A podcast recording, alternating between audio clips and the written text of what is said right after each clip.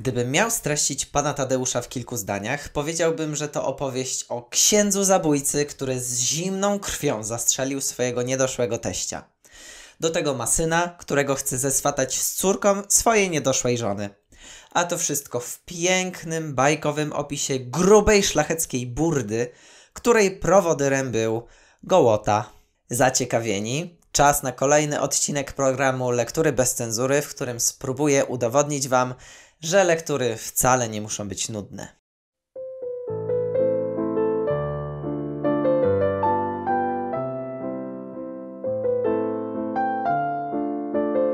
Pan Tadeusz to utwór napisany przez Juliusza Słowackiego. Poemat do naszych czasów zachował się jedynie we fragmentach i nie wiadomo, czy pozostałe części zaginęły, czy Słowacki świadomie nie skończył swojego dzieła, a może zwyczajnie się znudził. Akcja poematu słowackiego rozgryw... Nie, no dobra, żartowałem.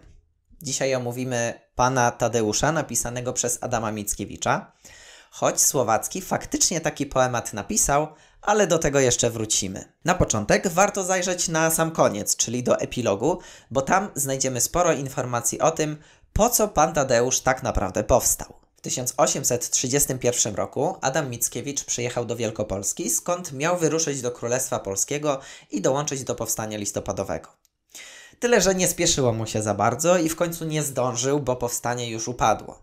Dlatego też wyemigrował i osiedlił się najpierw w Dreźnie, a następnie w Paryżu. Atmosfera pomiędzy Polakami emigrantami była napięta jak plandeka na żuku. Emigranci podzielili się na kilka obozów i strasznie żarli się między sobą. Sam Mickiewicz w epilogu napisał, że na wygnaniu nie ma zbyt wielu powodów do radości. Autor miał pretensje i do siebie, i do rodaków, że nie zaangażowali się bardziej w powstanie, tylko jak tchórze uciekli za granicę. Mickiewicz widział brak solidarności emigracji i zastanawiał się, czy może coś z tym zrobić. Wiedział jednak, że gdyby pisał o aktualnej sytuacji Polski, to swoją powieść mógłby wydawać na przykład w zestawie z żyletkami. Bo choć emigranci tęsknili za ojczyzną, to nieudane powstanie, niewola, brak perspektyw na niepodległość sprawiały, że każde wspomnienie o kraju było bardzo bolesne. No może prawie każde, bo jak czytamy w epilogu, Mickiewiczowi ciepło się robiło na serduszku, gdy wspominał swoje dzieciństwo. Z rozrzewnieniem przywoływał czasy, kiedy za dzieciaka beztrosko biegał z gołą dupą po łące. Nie miał żadnych zmartwień, a najgroźniejszą bronią były nie szable i pistolety, tylko kupa na patyku. Dlatego też Mickiewicz, pisząc pana Tadeusza, celowo pominął trudne momenty w historii Polski i przedstawił utopijny obraz polskiej szlachty. Chciał wnieść przynajmniej trochę radości na tej emigracji smutnej jak... No wiecie co. A poza tym nasz wieszcz narodowy chciałby, żeby jego dzieło przeczytali także ludzie niewykształceni. Dlatego schował do kieszeni swoje nabrzmiałe ego i wreszcie napisał coś prostym i zrozumiałym językiem. Uwaga! Zanim przejdziemy do omówienia treści epopei narodowej, chciałbym Was ostrzec, że za chwilę powiem coś, co będzie największym spoilerem pana Tadeusza, więc jeśli chcielibyście tego uniknąć, przewincie ten film do... Ksiądz Robak to Jacek Soplica! Z Jacka to było naprawdę niezłe ziółko. Główny bohater epopei nazywany był wojewodą, bo jako całkiem popularny hulaka zaskarbił sobie sympatię okolicznej szlachty i nie było dnia, żeby czegoś nie odwalił. Jednym z największych jego fanów był stolnik Choreszko, który bardzo chętnie zapraszał do siebie Jacka na pogaduszki. Podczas tych wizyt Soplica zakochał się w córce stolnika. O tym, że młodzi czują do siebie miętę, wiedzieli wszyscy poza stolnikiem, który tak naprawdę przyjaźnił się z Soplicą tylko ze względu na jego popularność. Mimo to Jacek kilka razy był bardzo blisko poproszenia o rękę Ewy Choreszkówny, ale ostatecznie nigdy tego nie zrobił. Powód był prosty. Bał się kompromitacji. Gdyby zapytał stolnika o zgodę na ślub, to najprawdopodobniej dostałby czarną polewkę symbolizującą odmowę. Czemu? Ewa była bogatą magnatką, a on tylko średnio zamożnym szlachcicem. A gdyby chłopaki dowiedzieli się, że Soplica dostał kosza, to kręciliby z niego ostrą bekę i straciłby cały szacunek na dzielni. W akcie desperacji zdecydował, że wyjedzie za granicę. Liczył na to, że gdy przyjedzie się pożegnać, to stolnik z litości powie: No dobra, no możesz zostać moim zięciem. Plan ten jednak zupełnie się nie powiódł, bo zanim Soplica zdążył cokolwiek powiedzieć, Choreszko po chamsku zapytał: Jacku, no mój drogi przyjacielu, spójrz, moja córka już tak wyrosła, czas jej znaleźć męża. Co byś powiedział, gdybym oddał jej rękę kasztelanowi? Wtedy Jacek bez słowa opuścił zamek Choreszków i to był pierwszy przełomowy moment w jego życiu. Żeby zapomnieć o Ewie, ożenił się z pierwszą, lepszą, ubogą dziewczyną, której nie kochał. Zaczął też ostro chlać, przez co stracił uznanie wśród szlachty. A żona Soplicy, widząc jak jej mąż się stoczył, umarła z żalu niedługo po narodzinach Tadeusza. Nieszczęśliwie zakochany Soplica przez kilka dobrych lat kręcił się w okolicach zamku Choreszków i pałał rządzą zemsty. Któregoś razu Jacek był świadkiem najazdu Moskali na Choreszków za popieranie Konstytucji 3 maja. Stolnik miał jednak najlepsze statystyki na serwerze, więc całkiem sprawnie odpierał ataki Rosjan do tego stopnia, że wyszedł na dziedziniec i zaczął po kolei likwidować fanów rosyjskiego cara. Jacka strasznie denerwowało, że Moskale tak słabo strzelają. W pewnej chwili miał wrażenie, że Choreszko go rozpoznał i zaczął się z niego bezczelnie nabijać.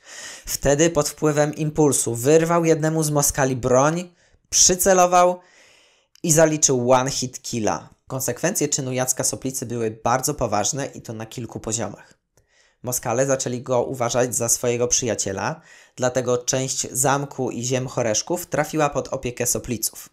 Moskale zaoferowali Jackowi też ciepłą posadkę urzędnika państwowego, jednak pod warunkiem, że wyrzeknie się swojego polskiego pochodzenia. Jacek urzędu nie przyjął i nie chciał mieć z Moskalami nic wspólnego, ale i tak przylgnęła do niego łatka zdrajcy. A jakby tego było mało, jego ukochana Ewa zmarła na Sybirze, a jej córka Zosia trafiła pod opiekę ciotki. Jacek był świadomy swojego nieciekawego położenia, dlatego postanowił wcisnąć reset i wynieść się za granicę. Ten dumny, pyszny i skłonny do bójki indywidualista kompletnie zmienia swoje życie i wstępuje do zakonu Bernardynów. Na znak pokuty przyjmuje imię Robak i staje się pokorny, pobożny i skruszony. Tyle, że ksiądz Robak nie zamierzał klepać modlitw zamknięty w klasztorze, tylko wolał czynnie brać udział w działaniach wojskowych. Już jako zakonnik walczył w wojsku Napoleona i wbił całkiem wysoki level. W późniejszym okresie nie brał udziału w walkach, ale miał inną ważną funkcję. Był emisariuszem, czyli takim trochę tajnym agentem na usługach jego wysokości Napoleona. James Bond w habicie kilkukrotnie był dekonspirowany i we wszystkich trzech zaborach odbywał różnorakie kary. Ostatecznie jednak ksiądz Robak jakimś cudem wyplątywał się z kłopotów i w roku 1811 został wysłany na Litwę, gdzie miał przygotować szlachtę na zbliżającą się wojnę. Co ciekawe, mimo że wrócił w rodzinne strony, to przez bardzo długi czas nie zdradził swojego prawdziwego imienia, a co jeszcze ciekawsze, właściwie nikt go nie rozpoznał. No cóż, najwyraźniej habit daje plus 10 do kamuflażu. Jacek Soplica jest przykładem nowego bohatera romantycznego. Tak jak każdy typowy romantyk, był totalnym indywidualistą, przeżywał nieszczęśliwą miłość, a potem miał rozterki wewnętrzne. Był też postacią tajemniczą i całkowicie oddaną walce o odzyskanie ojczyzny. To, co jednak odróżnia Jacka od Konrada czy Kordiana, to nieco inne podejście do sprawy narodowej. Ksiądz Robak nie uważał się za przyszłego zbawiciela narodu. Zamiast tego wierzy w demokrację, dzięki której i szlachta, i chłopi wspólnie staną do walki o niepodległość. Ksiądz Robak agitację polityczną prowadził w karczmie Żyda Jankiela opowiadał o tym, jaki to Napoleon nie jest super i że fajnie byłoby się do niego przyłączyć. Bernarden miał dwa zadania: przekonać szlachtę do płacenia podatków na polskie wojsko i przygotować ich do wzniecenia powstania na Litwie przeciwko Moskalom. O ile kwestia podatków wyszła agentowi w kapturze całkiem w porządku, o tyle kwestia gotowości do powstania już trochę gorzej. No, ale tak to jest, jak się nie powie wprost, tylko się rzuca jakieś metafory, a potem próbuj zgadnąć, co autor miał na myśli. Ksiądz Robak mówił: Słuchajcie, jak zapraszacie gościa do domu, no to nie czekacie na niego z założonymi rękami, tylko no wiecie, no trochę trzeba uszykować, stoły pownosić, domowników ogarnąć, no ale no przede wszystkim to trzeba trochę posprzątać. Rozumiecie? Oczyścić dom ze śmieci. Szlachta na to, yy, okej, okay, ale o co chodzi? A zakonnik, dobra, nie chce mi się tego tłumaczyć, jutro wam wyjaśnię. No i właśnie, dużo lepiej by było, gdyby ksiądz Robak nie odkładał wyjaśniania na potem, bo z tej niepewności zrodziła się niezła chryja. Niedługo później cały zaścianek spotkał się w domu starego Macieja Dobrzyńskiego i tam szlachcice naradzali się między sobą, jak należałoby postąpić. Czy teraz zaczynać powstanie, skoro wszyscy rwą się do walki? Czy może jednak poczekać na Napoleona? Wtedy do akcji wszedł Gołota. Ale nie Andrzej, tylko Gerwazy.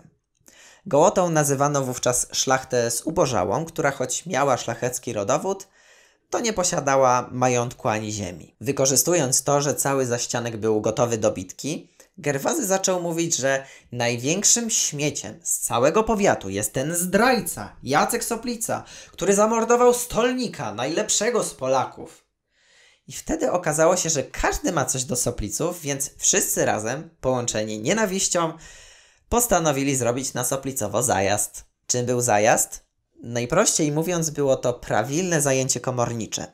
Gdy w dawnej Polsce dochodziło do sporów sądowych, no to często bywało tak, że przegrany nie chciał pogodzić się z wyrokiem i udawał, że nic się nie wydarzyło. Jeśli żadne prośby czy groźby nie przynosiły rezultatu, wtedy druga strona postępowania, mając już w ręku prawomocny wyrok, mogła zwołać kolegów i siłą zająć to, co się prawnie należało. Gerwazy chciał zorganizować zajazd w związku ze sporem o zamek Choreszków. Budowla miała dwóch właścicieli. Pierwszym z nich był hrabia, daleki krewny stolnika, a drugim sędzia Soplica. Taka sytuacja utrzymywała się przez długi czas i nikt za bardzo zamkiem się nie interesował, ale hrabia kiedyś stwierdził, że chętnie zająłby się całą budowlą. A potem nagle okazało się, że skoro tak, no to sędzia jednak wolałby mieć cały zamek dla siebie. Spór ciągnął się niemiłosiernie i zahaczył już o wszystkie możliwe sądy. Hrabia miał już tego dość i chciał odpuścić. Szybko jednak przekabacił go Gerwazy, opowiadając mu historię zabójstwa stolnika i tym samym przekonał młodego hrabiego, że zamek nie może trafić w ręce tych zdrajców sopliców. Gdy podkomorze chciał wyjaśnić warunki ugody, potomek Choreszków wraz z Gerwazym stwierdzili twardo, że żadnej ugody nie będzie.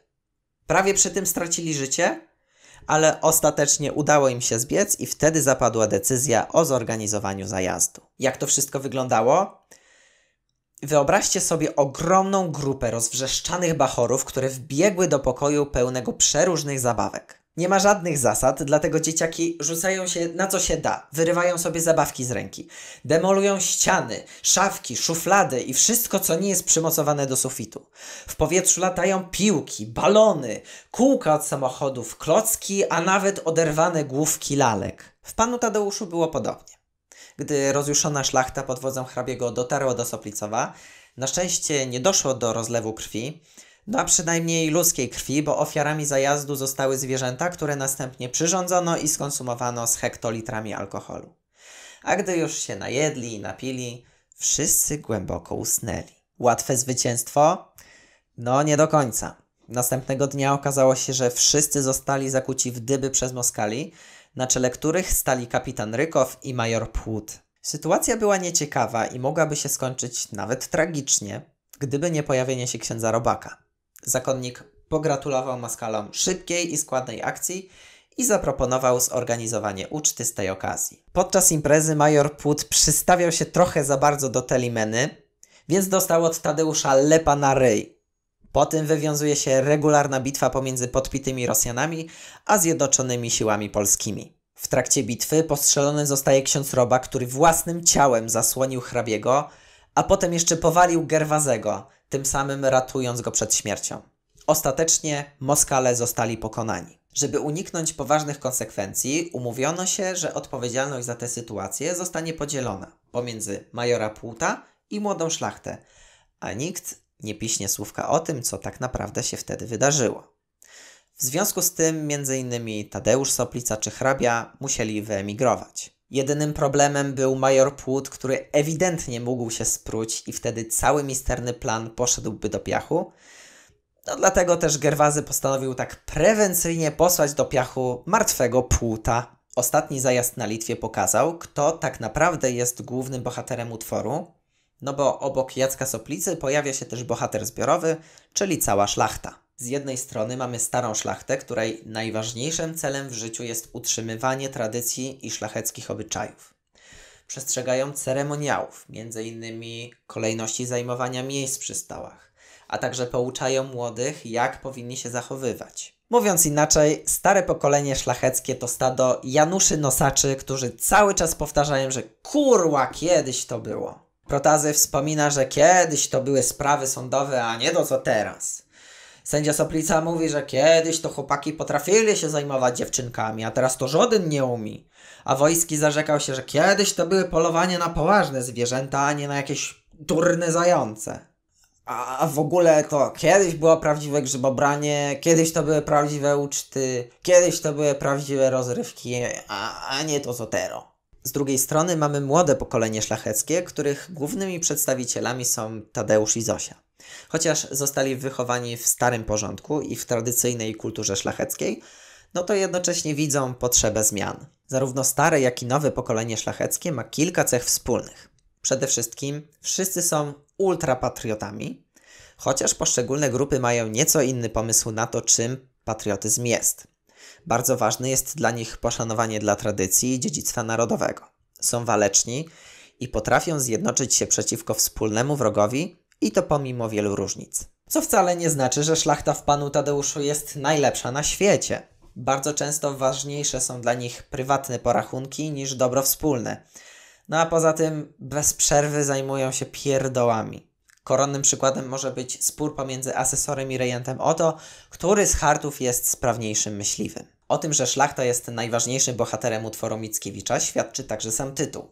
No bo musicie wiedzieć, że pan Tadeusz to tylko nazwa skrótowa. Pełny tytuł brzmi Pan Tadeusz, czyli Ostatni zajazd na Litwie, historia szlachecka z roku 1811 i 1812 we 12 księgach wierszem. Mickiewicz przez długi czas nie mógł zdecydować się, jak zatytułować swoje dzieło. Zastanawiał się nad nazwami Szlachcic, Jacek, czy też po prostu Tadeusz, ale najbliżej było mu do nazwy Żegota, czyli spolszczonej wersji imienia Ignacy, czym chciał uhonorować swojego kumpla Ignacego Domejkę. Gdy jednak okazało się, że utwór nie będzie krótką poemą szlachecką, bo dzieło rozrosło się do niebotycznych rozmiarów, Mickiewicz zdecydował się postawić ostatecznie na bardziej rozbudowany tytuł z panem Tadeuszem na czele. A skoro mowa o Tadeuszu, to trzeba przyznać, że chłopak miał sporego pecha, bo ledwie co przyjechał w rodzinne strony, a już parę dni później musiał wyjeżdżać. Około 20-letniego Tadeusza poznajemy, gdy w roku 1811 skończył nauki w Wilnie i powrócił do Soplicowa.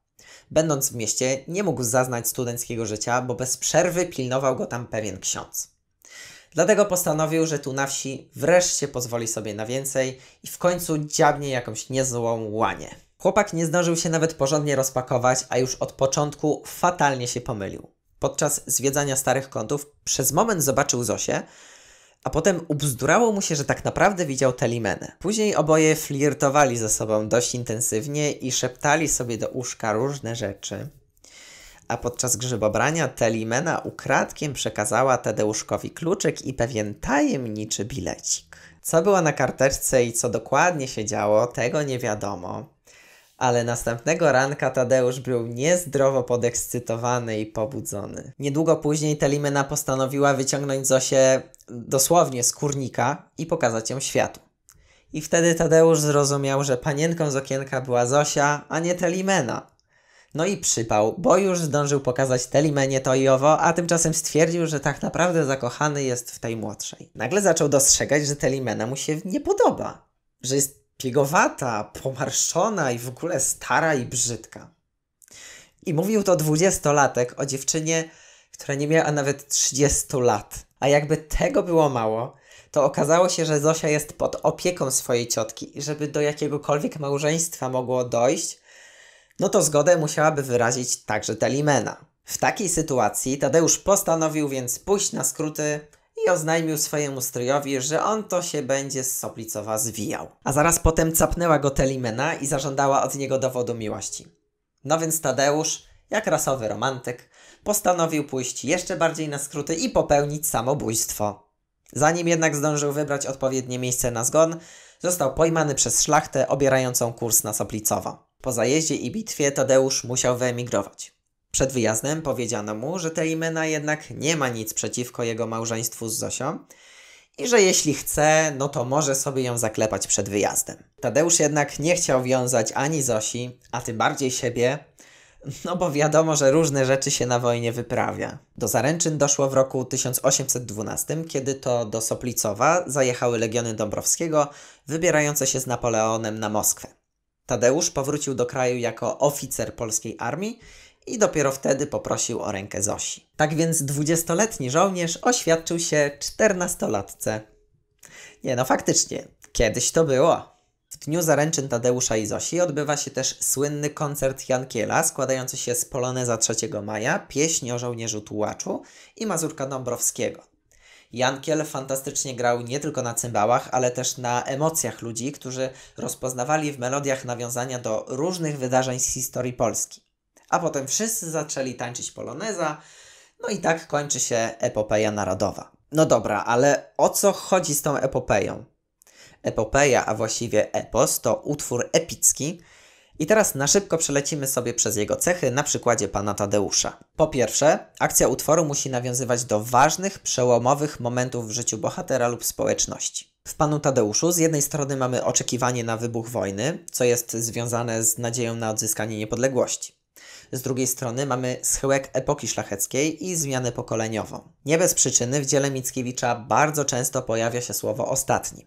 Tytułowy zajazd był ostatnim na Litwie. Stolnik był ostatnim z rodu Choreszków. Protazy ostatnim woźnym Trybunału, a Podkomorzy ostatnim, który tak zręcznie prowadził poloneza. Po drugie, w eposie występuje bohater zbiorowy.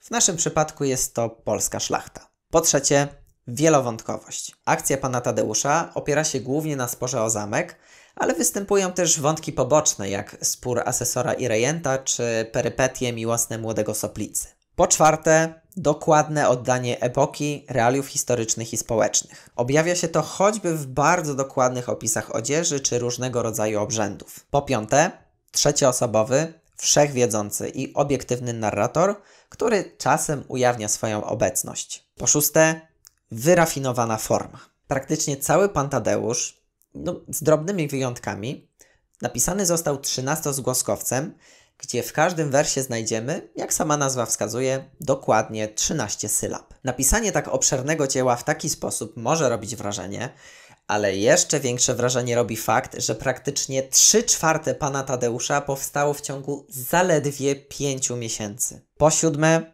patetyczny, podniosły styl z rozbudowanymi środkami stylistycznymi. Wystarczy w tym miejscu przywołać dowolny opis przyrody, chociażby matecznika, czyli fragmentu lasu tak gęstego, że praktycznie niedostępnego dla ludzi. Mickiewicz opisał matecznik jako miejsce magiczne, istny raj, gdzie wszystkie zwierzęta żyją ze sobą w zgodzie i zachowują się tak, jakby tworzyły idylliczną cywilizację. I wreszcie po ósme, Epos musi zaczynać się od inwokacji, czyli rozbudowanej apostrofy do muzy lub bóstwa. W Panu Tadeuszu początkiem inwokacji nie jest więc Litwo ojczyzno moja, tylko wezwanie do Matki Boskiej Częstochowskiej i Ostrobramskiej. W inwokacji mamy też informacje o życiu Mickiewicza. Kiedy mały Adaś miał 5 lat, spadł z wysokości i stracił przytomność. Jego matka poleciła go Maryi i niemal natychmiastowo Adam obudził się, a potem bardzo szybko powrócił do zdrowia. Mickiewicz w inwokacji wyraził nadzieję, że tak jak za dzieciaka cudem udało mu się przeżyć upadek z wysokości, tak też cudem Polska odzyska niepodległość i emigranci będą mogli wrócić do wyzwolonej ojczyzny. W kategoriach cudu można też rozpatrywać fakt, że epopeja Mickiewicza stała się tak kultowa, bo tuż po jej wydaniu recenzje były dość przeciętne. Parę lat wcześniej czytelnicy dostali m.in. Konrada Wallenroda czy trzecią część Dziadów, czyli no całkiem poważne pozycje z ciężkim przekazem, a tu nagle w 1834 roku trzymali w rękach kolorową bajeczkę o szlachcie. Przez długie lata o panu Tadeuszu nie mówiło się zbyt pochlebnie, aż do upadku powstania styczniowego, kiedy to dzieło Mickiewicza stało się jedną z najważniejszych lektur dla Polaków. Chociaż za życia Mickiewicza raczej pogardzano panem Tadeuszem, to znalazła się przynajmniej jedna osoba, której epopeja bardzo się spodobała. I zaskakująco był to Juliusz Słowacki. Autor Kordiana pisał, że gdy tylko dostał egzemplarz pana Tadeusza, wciągnął go w dwa dni i był pod ogromnym wrażeniem. A do tego nie mógł uwierzyć, że dzieło Mickiewicza nie zostało zbyt ciepło przyjęte i że nie rozeszło się w całym nakładzie. Później jednak chyba zmienił zdanie, bo napisał swoją wersję pana Tadeusza.